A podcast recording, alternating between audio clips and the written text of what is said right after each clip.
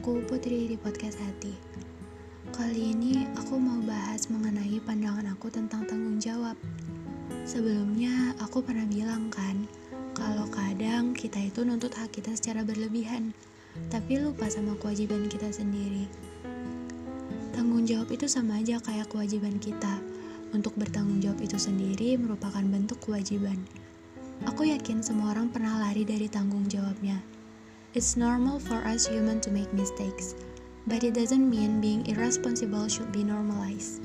Mungkin ada yang takut untuk bertanggung jawab atas kesalahannya. Wajar kok buat takut.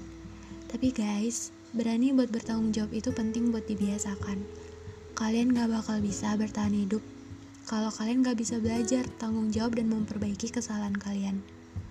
Di luar sana gak ada dosen yang peduli kalau kamu datang telat karena gak tidur semalaman. Gak ada juga tuh bos yang peduli kalau kamu gak siapin kerjaan kamu sebelum deadline karena alasan-alasan yang dibuat.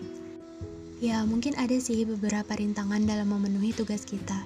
Tapi kalau kita udah berbuat salah, hal pertama yang bisa kita lakukan sebagai bentuk tanggung jawab adalah meminta maaf. Tapi ya jangan cuma minta maaf doang. Buktiin juga pakai tindakan kalau kita nggak bakal mengulangi kesalahan yang sama dan kalau kita bakal usaha buat jadi lebih baik lagi. Ya, ini reminder juga sih buat aku sendiri. Kadang aku juga masih ngasih beribu alasan kalau nggak buat kesalahan. Jadi yuk kita sama-sama membiasakan diri buat minta maaf dan bertanggung jawab sama kesalahan kita. Oh ya, bagi aku tanggung jawab terpenting itu tanggung jawab kita sama Tuhan. Kalau aku sih mikirnya simple.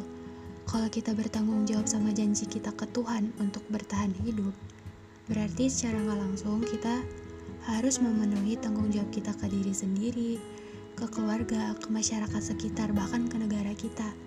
Karena pada dasarnya, agama dan Tuhan mengajarkan banyak tentang tanggung jawab dalam berbagai aspek kehidupan yang bisa dan harus kita pikul. So, mulai sekarang buat kalian yang udah bikin baper orang lain, jangan lupa tanggung jawab ya. Juga buat mahasiswa kayak aku, jangan lupa tanggung jawab kalian sebagai mahasiswa kayak gimana. Yang gak kalah penting, tanggung jawab kalian ke orang tua juga harus dilaksanakan.